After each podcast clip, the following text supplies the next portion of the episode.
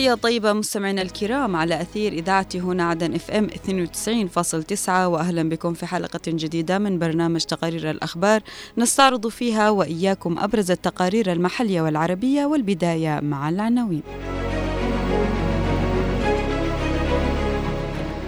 الرئيس الزبيدي يشدد على ضرورة عدم التهاون أو التساهل مع أي تجاوزات من أي مكان. تسليم مراكز الشرط بعدن الدفعة الثانية من المركوبات المقدمة من الإمارات. ثقافية انتقال اللحج تنظم ندوة خاصة بالحفاظ على الحرف اليدوية. طلاب مدرسة أسامة بن زيد باللزارق يؤدون امتحاناتهم الفصلية تحت أشعة الشمس.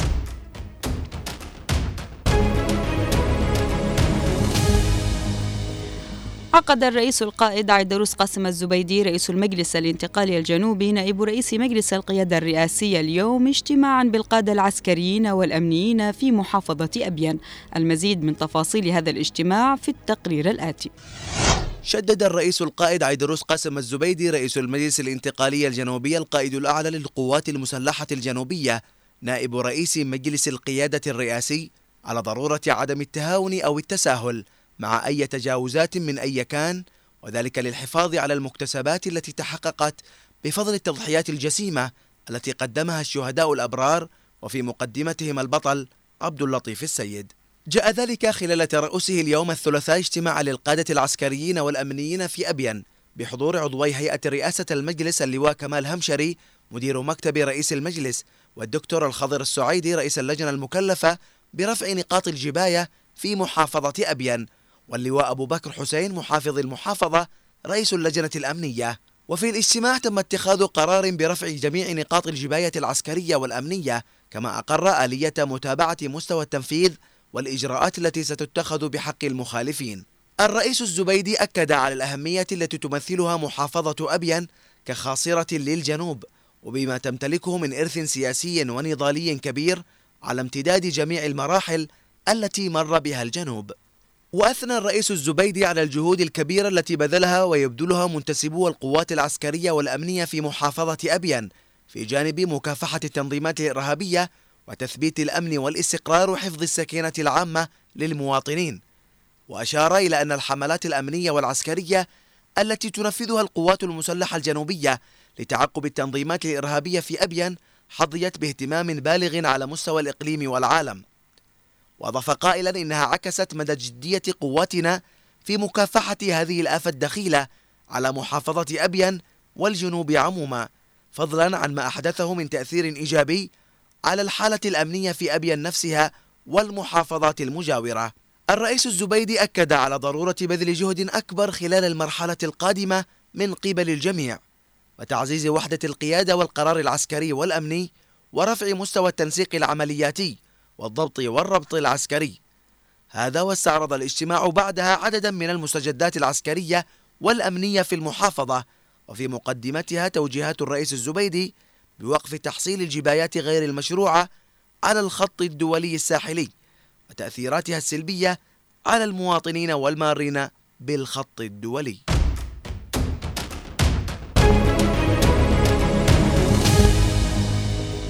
تسلمت مراكز شرط العاصمة عدن الدفعة الثانية من المركوبات الأمنية المقدمة من دولة الإمارات العربية المتحدة وذلك لتسهيل أداء مهامها.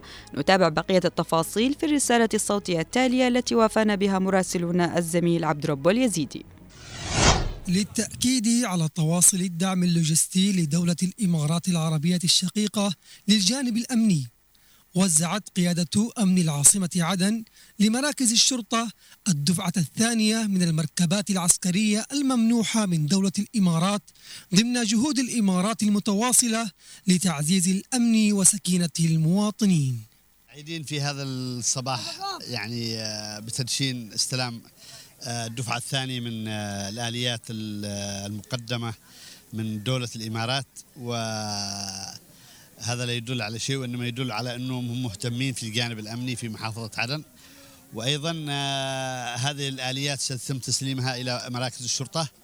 آه نحن نتمنى فقط أنه هذه الآليات تسخر تسخيرا صحيحا بحيث أنه يعني تخدم المواطن وتخدم أيضا العمل الأمني. آه، الشكر كل الشكر دولة الإمارات العربية المتحدة على الدعم اللوجستي للمرة الثانية. طبعا آه، حظية آه، إدارة أمن عدن بالدعم اللوجستي من دولة الإمارات العربية المتحدة. الدعم الإماراتي لمراكز شرطة العاصمة بالمركبات والآليات والتدريب والتطوير للكوادر. انعكس أثره مباشرة على حياة الناس في الأحياء والمدن ولمسوه من خلال تراجع معدل الاختلالات الأمنية وزيادة الاستقرار والسكينة العامة بعدن.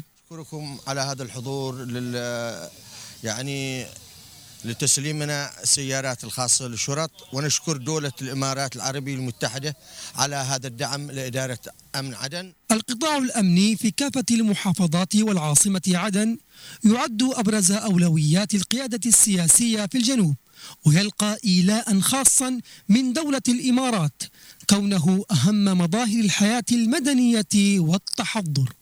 أهمية قصوى توليها دولة الإمارات للجانب الأمني في العاصمة عدن والجنوب. من خلال دعمها اللوجستي بالمركبات والمعدات وتدريب وتطوير كوادر الشرطة والأمن لتعزيز السكينة والاستقرار. عبد رب اليزيدي العاصمة عدن.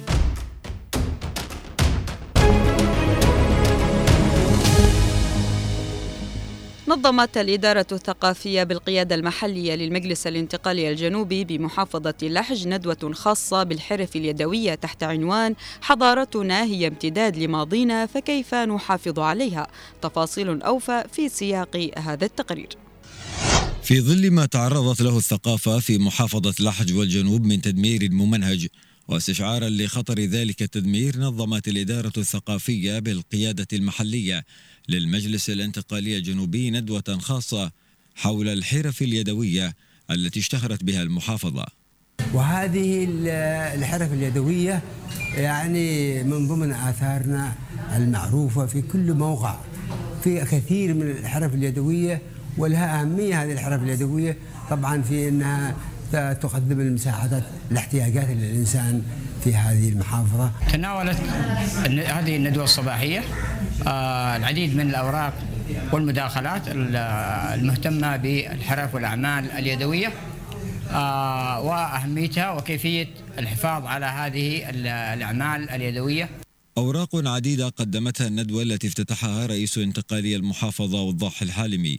تحدثت عن أهمية الحرف اليدوية لحياة الأسرة اللحجية باعتبارها تمثل الهوية الجنوبية الضاربة جذورها في عمق التاريخ. طبعا هذه الحرف هي في كثيرا منها على وشك الاندثار منها مثل صناعة الفخار وصناعة طبعا المعاوز اللحقية التي أوشكت على الاندثار أو أنها توحي بهذا الشيء. إن كل مجتمع آه، لا يثبت هويته إلا الوجود يعني الآثار والتراث والموروث الذي ينقله جيل استعادة مكانة ودور الحرف اليدوية في المحافظة أبرز التوصيات التي خرجت بها الندوة التي شارك فيها عدد من ممثلي الجهات الجنوبية في المحافظة من بينهم اتحاد الحرفيين الجنوبيين وجمعيات الحرفية والمهتمين إضافة إلى تشجيع المبدعين وتحفيزهم إلى الاستمرار بعملهم في الحرف اليدوية.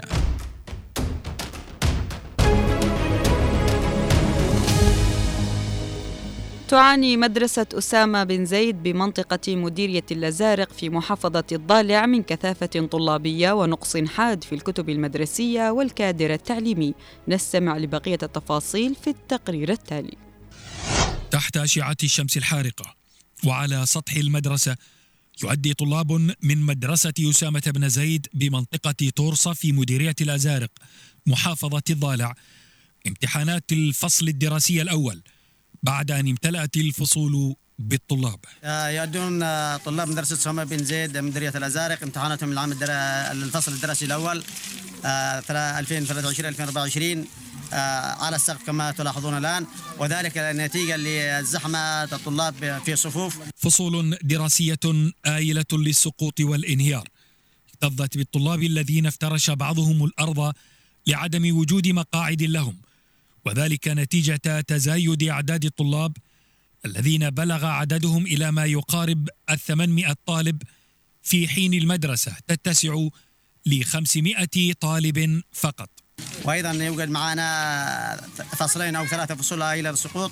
وحفاظا على سلامة الطلاب اضطرينا أن الطلاب يمتحنوا على السقف. مدرسة أسامة بن زيد التي تعد من أقدم مدارس الضالع حيث تأسست في العام 75 900 وألف للميلاد.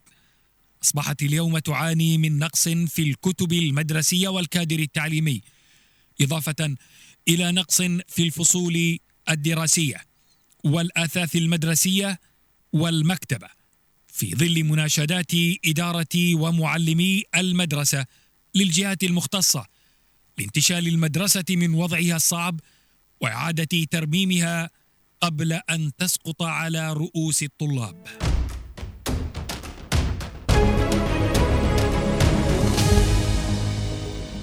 مستمعينا الكرام إلى هنا نصل إلى ختام هذه الحلقة من برنامج تقارير الأخبار. كنت معكم من الإعداد والتقديم أنا عفراء البيشي ومن الإخراج خالد الشعيبي. أطيب التحية إلى اللقاء.